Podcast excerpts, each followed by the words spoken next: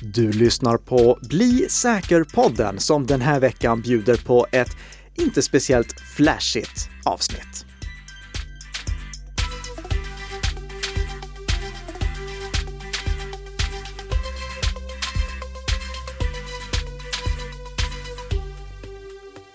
God morgon, god morgon Tess! Nej men god morgon Nicka! Vad skönt att ha dig tillbaka här i studion. Tack så mycket. Det känns väldigt skönt att vara på plats. Ja. Nu när jag, jag kan se din gässa över mikrofonväggarna här i alla fall. Men det känns ändå som vi kan få en lite bättre dynamik. Precis, jag, jag, jag ser dina ögonbryn sticka upp där på andra sidan, så då vet jag ändå ungefär vad det är eh, du vill säga och det, det blir lite lättare att föra en dialog så här sinsemellan så att vi kan ge den bästa lyssnarupplevelsen till våra fantastiska lyssnare som varje vecka tunar in den här podden som produceras i samarbete mellan Nika Systems och Bredband2. Mm, Mm, det stämmer. Ja. Så är det.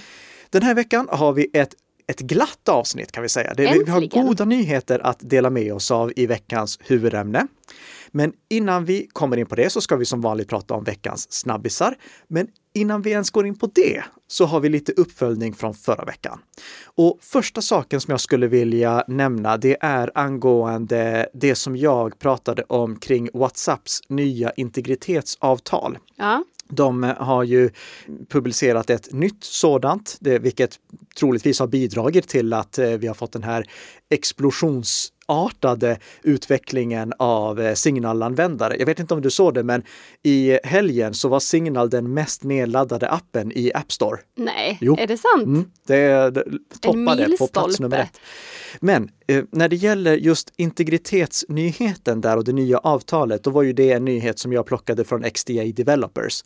Och den gällde de amerikanska användarna. Det är ett annat avtal som gäller inom EU, så att vi får sagt det. Ja, bra. Vi har ju också fått in en kommentar från Håkan som skriver Även Android-användare skulle kunna kolla på App Store för att kolla eh, apparnas eh, innehållsförteckning. Använder man en app som både finns eh, på Android och Apple så kan man misstänka att samma eller liknande information samlas in på båda plattformarna. Precis. Och det är ett väldigt bra tillägg för att i förra veckan då pratade vi om de här integritetsfokuserade innehållsförteckningarna som jag verkligen uppskattar. Mm. Och de eh, finns ju inte motsvarigheter till på Android-plattformen. Men precis som Håkan föreslår här så kan Android-användare också dra nytta av den informationen som publiceras på App Store. För troligtvis så är det ungefär samma saker som samlas in. Det går inte att veta till 100 procent och det kan Nej. säkert skilja mellan appar också. Men man får en bra indikation i alla fall. Så även Android-användare kan dra nytta av den informationen som finns på App Store. Och man behöver inte ha en iPhone eller iPad för att komma åt App Store, utan man kan besöka den webbaserade versionen också. Så ifall Android-användare funderar kring vad det egentligen är som samlas in utan att vilja hålla på och läsa långa integritetspolicyer, vilket jag kollade upp, det är policyer. Det är det. ja, just det, policyer i plural. Så kan eh, de användarna även besöka App Store för mer information där. Så tack så mycket Håkan för det tillägget. Och nu, nu har vi passerat eh, våra kommentarer så nu kör vi veckans snabbisar. Vad har vi först ut här då Nicka? Mm, först och främst är jag lite ledsen. Jaså? Ja, för förra veckan då pratade vi ju om problem hos eh, Syxel. Mhm. Den här veckan ska vi prata om problem hos Ubiquity. Aj då. Och jag tror att, alltså, om det är två stycken nätverksmärken som jag har köpt många saker från så är det Ubiquity och Syxel. Det är det. Ja. Så- otur. Men ehm, ja, i alla fall. Ubiquity har råkat ut för en dataläcka. Och Ubiquity är kanske inte känt för alla våra lyssnare, men det, de, de är en väldigt stor leverantör av nätverksprodukter till konsumenter som är tekniskt avancerade, de som vill göra avancerade saker. Och till, eh, ska man säga, små och medelstora företag. Det är det som är deras huvudmålgrupp. Där levererar de många fantastiskt bra saker.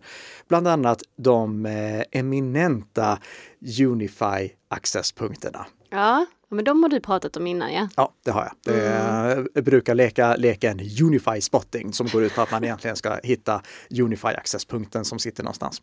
Hur som helst, det, det, det, är fantastiskt bra saker som de levererar. Men nu i veckan så berättade de att de har råkat ut för en dataläcka från sin molnplattform. De har en molnplattform som gör att användare kan managera, alltså styra eh, sina nätverk och konfigurera sina nätverk via Unifys eller Ubiquitys molntjänst. Mm. Och där har det nu varit en dataläcka där användarnamn, envägskrypterade lösenord, telefonnummer, e-postadresser Mm, så egentligen har... massa olika personuppgifter då? Ja, det, mm. men det, det, är alltså inte information om nätverken som har läckt ut utan det är det som används för att autentisera sig till mm. eh, sitt eh, nätverk och för, eller för att autentisera sig för att få möjlighet att konfigurera och managera sitt nätverk. Det är det som har potentiellt läckt ut. Okej. Okay. Och här, eh, alltså det, det, det, sådana här dataläckor händer ju titt som tätt. Mm, mm jag skulle säga att Ubiquity har hanterat det här ganska bra faktiskt. Yes, mm. Vill du berätta varför? Ja, de började med att skicka ut ett mejl till alla användare där de informerade om att det kan ha skett en dataläcka. De informerade om att eh, lösenord kan ha läckt, men att lösenorden var envägskrypterade. Alltså, det går inte för angripare att direkt se vilka lösenorden var.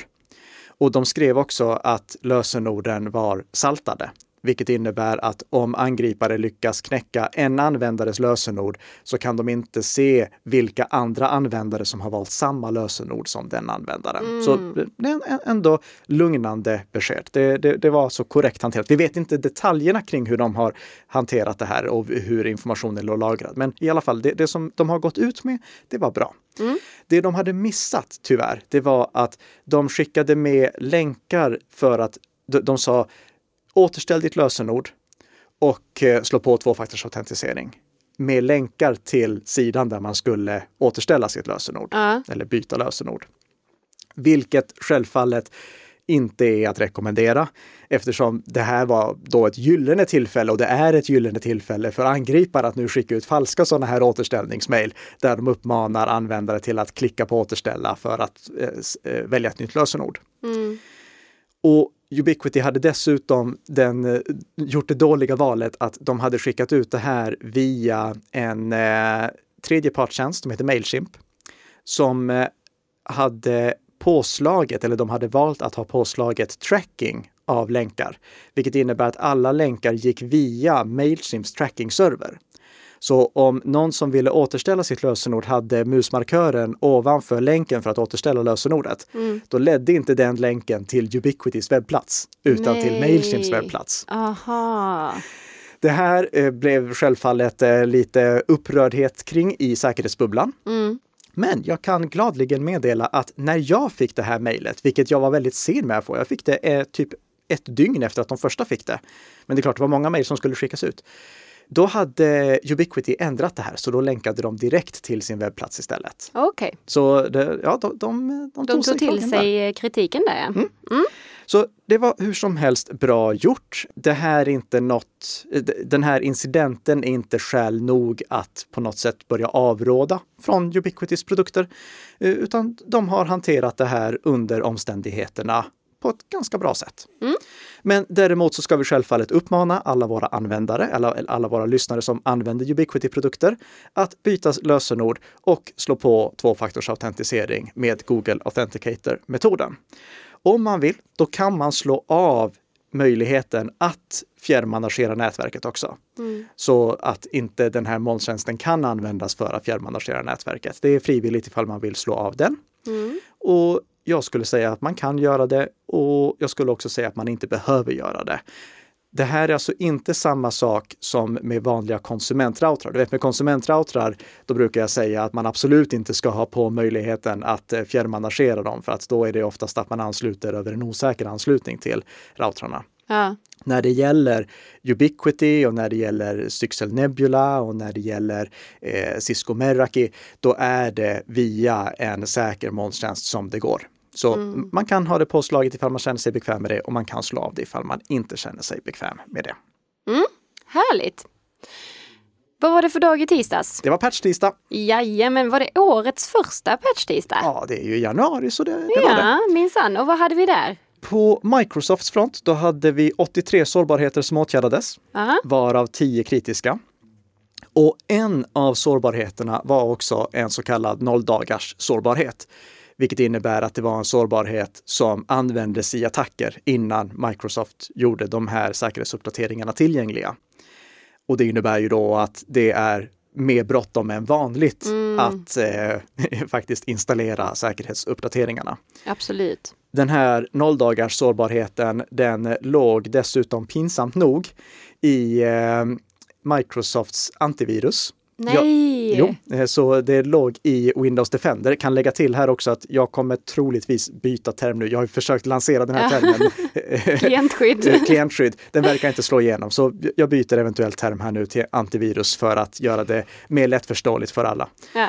Men eh, den låg där i, eh, så eh, det gick att eh, infektera datorn på grund av den här sårbarheten och det krävde inte någon användarinteraktion heller. Så det var inte så att användaren behövde göra någonting för att datorn skulle bli infekterad. Mm, Okej, så typiskt. Ja, det här kan ju låta väldigt allvarligt, men jag skulle vilja lägga till att vi har även sett sådana här misstag från tredjepartsutvecklare. Alltså Mm. eh, de som har gjort eh, antivirus från eh, andra, från Microsofts konkurrenter.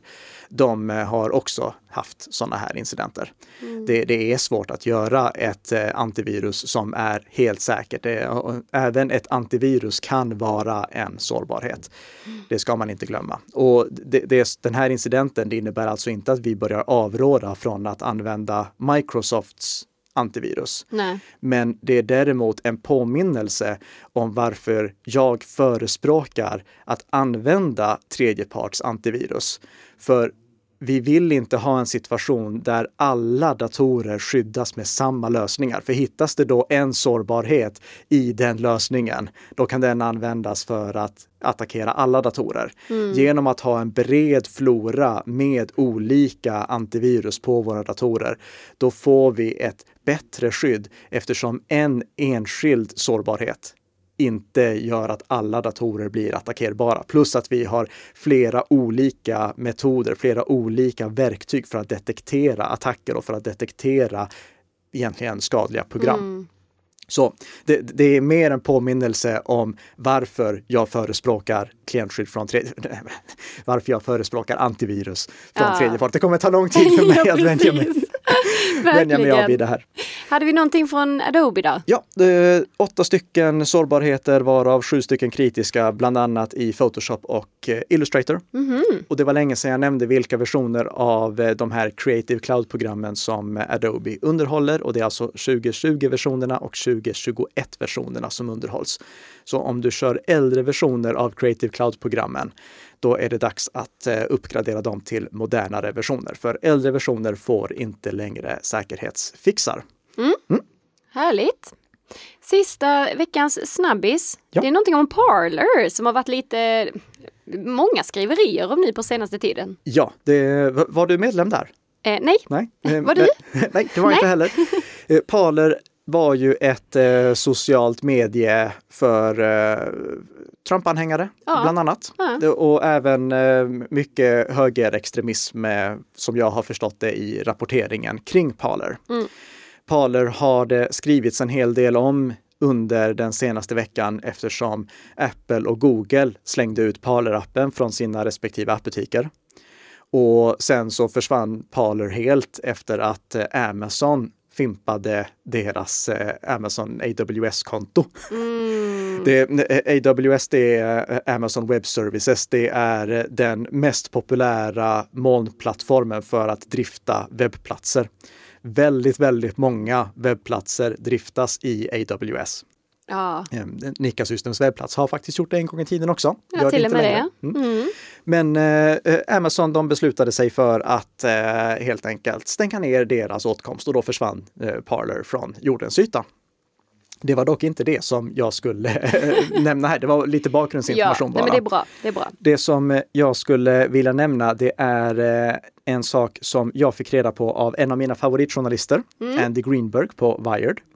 Han eh, skrev nämligen en artikel om att innan Parler försvann från jordens yta, då eh, passade hackers på att eh, skrapa ner all information som fanns publikt på Parler. Mm. Vilket är lite intressant att de kunde göra, men tydligen så var Parler lite svagt programmerat ur ett säkerhetsperspektiv. Så angripare kunde bara ta och slurka ner hela det publika materialet och Oj. arkivera det. Inklusive bilder och filmer. Och då kommer vi in på vad det är jag skulle vilja berätta för er. Mm. Nämligen någonting som återanknyter till avsnitt 99 som vi gjorde av Bli säker-podden, där vi pratade om dold information. Och faktumet att när vi tar en bild eller spelar in en film med vår mobil, då sparas det metadata, alltså information om filen, som innehåller GPS-positionen. Just Och det är för att eh, precis som att det sparas eh, vilken slutartid som användes och vilka ISO-inställningar som användes, så ska man i ett bildbehandlingsprogram eller ett eh, fo- fotobiblioteksprogram kunna få upp var man tog den här bilden eller var man spelade in den här filmen. Så därför finns GPS-positionerna där. Då berättade jag också att av integritetsskäl så plockar Facebook och eh, Twitter bort den informationen när en användare laddar upp bilder till de här sociala medierna. Så att inte det ska avslöjas var den här bilden togs. För att det hade ju då till exempel kunnat avslöja var en användare bodde. Och det är någonting som inte alla tänker på. Det, det, man tänker inte på att det finns den här metadatan gömd i bilderna. Så därför plockar Facebook och Instagram och eh, Twitter bort den informationen så att inte någon data ska läcka utan att eh, användaren är medveten om det. Mm. Tror du Parler gjorde det? Nej. Nej. Så nu har Parler-användarna Mm. avslöjat var de bor. Var Nej. de befinner sig eller var de har befunnit sig. För GPS-positionerna finns i bilderna som har tankats ner från Parler. Mm. Det har till och med gjorts eh, visuella eh, bilder, eh, visuella översikter som visar var Parler-användarna hänger till i USA. Så liksom bara mappat ut, här har vi många GPS-positioner registrerade. Så det, ja, det här har vi egentligen ingen rekommendation. Eh, Nej, förutom nej, nej. egentligen att kom ihåg att eh, det, Mm. det finns dold information i bilder. Och vill ni veta mer om det, lyssna på avsnitt 99 av Bli säker-podden. Och då, Nicka, Mm. flashfritt. Det här, det är ett flashfritt år. Det är ju det. Och alla år framöver kommer att vara flashfria. Vad menar vi med det? Jo, vi hade ju patch-tisdag i tisdags som vi nämnde tidigare. Och då sa jag inte någonting om att det var några åtgärdade säkerhetsbrister i Adobe Flash Player. Nej. Nej, och det, bruk, det brukar vi ju ha. Mm, mm. Men det har vi inte längre. För i december, då var det den sista gången som Adobe underhöll Adobe Flash Player. Och i måndags, Mm. då var det stopp. Då sa Adobe bara, nu är Adobe Flash dött. Bara sådär. Ja, Ja. De hade informerat om det här i, i åtminstone tre år att det skulle ske. Ja. Men varför är det så positivt? Jo, för att det här är en milstolpe inom webbsäkerhet. Vi vet ju att Adobe Flash Player har varit ett rent inferno att hålla säkert. Det, det, det har varit så många sårbarheter som har upptäckts i det här programmet att ja, det, det går inte ens att räkna upp. Adobe Flash var egentligen det sista programmet av sitt slag. Jaså? För att förklara vad jag menar med det så måste vi go back in time. Mm. Så vi går tillbaka till eh, runt millennieskiftet. Då hade vi fantastiska webbläsare som Netscape Navigator och eh, Internet Explorer. De här webbläsarna var bra på att eh, visa text Mm. och visa bilder. Mm. Och de hade också lite interaktivitet så att man med JavaScript kunde få lite enkla saker att hända. Men de hade också sina problem. För det första, standarderna, de tolkades på väldigt olika sätt av de olika webbutvecklarna eller webbläsarutvecklarna. Mm. Så det var svårt för oss som skapade webbplatser att få dem till att fungera på precis samma sätt i alla webbläsare. Ah. Inte minst eftersom Microsoft tyckte att de med sin stora marknadsandel kunde lansera lite egna funktioner som inte var webbstandardversioner utan det var Microsofts webbstandarder. Såklart. Så det, det, det, var lite problematiskt. Men sen kom också problemet att våra webbläsare, de var dåliga på att spela upp ljud, mm. om de ens kunde det. Och de kunde definitivt inte spela upp video. Så om vi ville lyssna på ett eh, nyhetsinslag från Sveriges Radio till exempel, då gick vi till Sveriges Radios webbplats. Men för att kunna lyssna på det, då stod det att vi var tvungna att installera Real Player. Minns du Real Player? Ja, eller när jag googlade innan så jag känner igen liksom utseendet och jag känner igen namnet. Ja. Taglinen var The future is real. Jag tycker den är bra. Mm.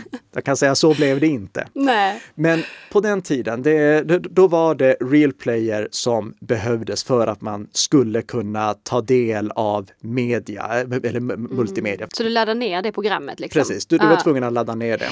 Och då hade vi det här faktumet att webbplatsen sa åt oss, för att kunna ta del av det här materialet så ska du installera det här programmet. Mm. Och det var ju någonting som angripare missbrukade in absurdum. Ja, det kan jag tänka mig. För när vi hade den här vanan av att en webbplats kan säga åt oss vad vi ska installera, då var ju det någonting som angripare också utnyttjade för att få oss att installera skadeprogram. Mm. Det var därför vi fick inte bara skadeprogram som infekterade våra datorer utan också många sådana här potentially unwanted applications där vi fick massa toolbars och vi fick Bunsy Buddy som skulle hjälpa oss att hitta saker på nätet och massa spionprogram. Massa skräp som följde med för att vi var tvungna att installera saker för att kunna dra nytta av alla möjligheter som webben erbjöd. Mm. Sen så började Real Player att eh, dö ut och ersattes istället av bland annat Windows Media Player. Och Windows Media Player hade ju fördelen att eh, den var inbyggd i Windows, så alla Windows-användare kunde använda Windows Media Player rakt upp och ner. Mm. Men den var inte inbyggd i Mac OS. Nej, vad funkar det där då? Ja, du var tvungen att precis som det tidigare, ah. ladda ner Windows Media Player för ah, MacOS. Okay. Och sen mm. slutade Microsoft att underhålla den dessutom. Så då var du tvungen att installera och vad hette det, Flip for Mac har jag för mig det hette, för att kunna eh, spela upp Windows Media Player-filer. Och det här problemet var omvänt också, för mm. att Apple, de använde ju självfallet inte Windows Media Player nej, på sin nej. webbplats, utan de använde Quicktime. Och Quicktime, det var minsann inte någonting som fanns förinstallerat på Windows. Så då var du som Windows-användare tvungen att installera Quicktime. Och då sa webbplatsen åt dig, för att kunna visa det här materialet måste du ha Quicktime installerat på din dator. Mm. Och då fick du installera det för att kunna se. Det här problemet, det fanns i många andra sammanhang också. Det, det var många eh, väldigt krävande webbplatser, eh, till exempel eh, en webbplats som eh, Google Earth. För mm. att den skulle fungera, då var du tvungen att installera ett tillägg. Okay. Vissa, vissa webbplatser krävde att du hade Java installerat i webbläsaren. Mm. Så då stod det för att du ska kunna se det här måste du installera Java. Och problemet som uppstod av det här, det var ju då inte bara att vi installerade massa tredjepartsprogram som vi sen var tvungna att underhålla för att kunna hålla dem säkra. Utan också faktumet att vi fick den här vanan av att installera program på uppmaning. Mm. Det sista sådana programmet som jag ser det, det var Adobe Flash Player. Och När Adobe, kom det då? Det kom redan på 90-talet. Eh, ursprungligen var det Macromedia Flash Player. Men, och ursprungligen dessförinnan så hette det ytterligare en annan sak som jag inte ens kommer ihåg. Okej, men, men det är gammalt i alla fall. Ja, men när, när det slog igenom mm. då var det Macromedia Flash Player och sen tog Adobe över det, började använda det på webben för att kunna göra interaktiva saker. Och det var väldigt tacksamt för utvecklare för att som utvecklare, då kunde du göra någonting i Adobe Flash Player mm. och det fungerade sen på samma sätt på alla datorer. Oavsett om det var Windows-dator eller en Mac eller en Linux-dator så fungerade det på samma sätt. Mm. Och det spelar ingen roll vilken webbläsare du hade, för det var Flash Player som presenterade materialet. Ja. Så det fungerade på precis samma sätt. Och det var därför Flash fick den här explosionsartade utvecklingen där allt fler webbplatser började använda det. Mm. Till och med Youtube använde det som standard för att spela upp film fram till 2015. Oj, det är så sent ändå? Ja, Aha. Men då hade Flash börjat tappa i popularitet och det berodde ju dels på faktumet att eh, Apple vägrade ge stöd för eh, Adobe Flash Player på iOS-plattformen. Mm. Och dels för att det här med att det ser likadant ut överallt, det var inte positivt när det kom till små mobilskärmar. För då var det svårt att just se vad det var, egentligen vad som visades. Såklart. Så F- Flash, det började dö ut när eh, de mobila plattformarna och de mobila operativsystemen tog över. Och jag skulle säga att utvecklingen av moderna webbläsartekniker, det påskyndades också av det här faktumet. Faktumet att vi var tvungna att lämna Flash påskyndade utvecklingen av moderna alternativ som kunde ersätta Flash. Och det är det vi har fått nu. Nu, när du går till en webbplats, då får du inte längre upp de här meddelandena att för att du ska kunna visa det här materialet eller lyssna på det här materialet så måste du installera det här Nej. tillägget. Nej. Flash var det sista sådana. Och Flash byggdes till och med in i webbläsarna för att vi skulle slippa installera det manuellt själva. Men när Flash liksom, eh, när det nu dog ut, då blev vi av med det sista sådana tillägget. Nu kommer vi inte längre till webbplatser där det står för att kunna visa det här måste du installera Flash. Eller för att kunna visa det här måste du installera Microsoft Silverlight som var Microsofts konkurrent till, till Adobe Flash. Utan nu fungerar alla webbplatser i alla webbläsare. Och den stora fördelen med det här, det är att vi nu verkligen kan trumma in.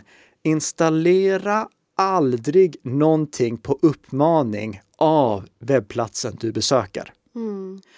Om du går till en webbplats och den säger du behöver installera det här, låt bli.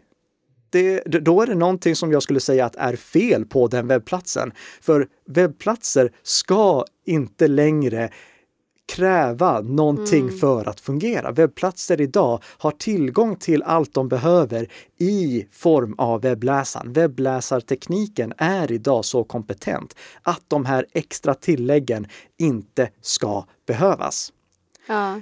Och då har vi ju också fördelen att när vi inte har alla dessa tillägg, då behöver vi inte hålla på att uppdatera dem. Vi behöver bara se till att hålla vår webbläsare uppdaterad och den uppdaterar sig själv. Så det, det, det har verkligen blivit en säkrare situation nu tack vare att vi har blivit av med alla dessa gamla tillägg. Mm. Det är glädjande nyheter.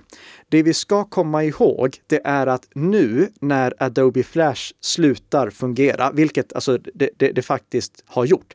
Det- Adobe, de är ju väldigt medvetna om alla dessa säkerhetsproblem som Adobe Flash-tekniken har dragits med genom åren.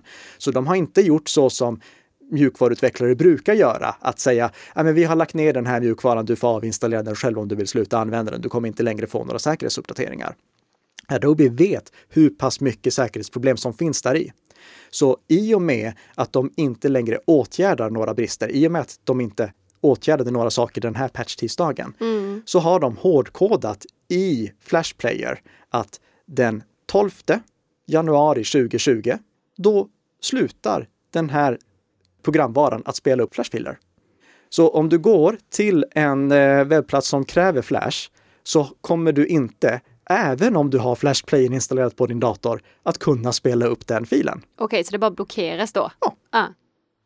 Så det, det, det är slut. Det, det vill säga, du kan avinstallera Flash nu. Det finns absolut ingen anledning att ha det kvar på din dator. Om du har eh, Chrome, Firefox eller Edge på din dator, då kommer, eh, först och främst så är Flash-uppspelning blockerat, så det, det funkar inte längre.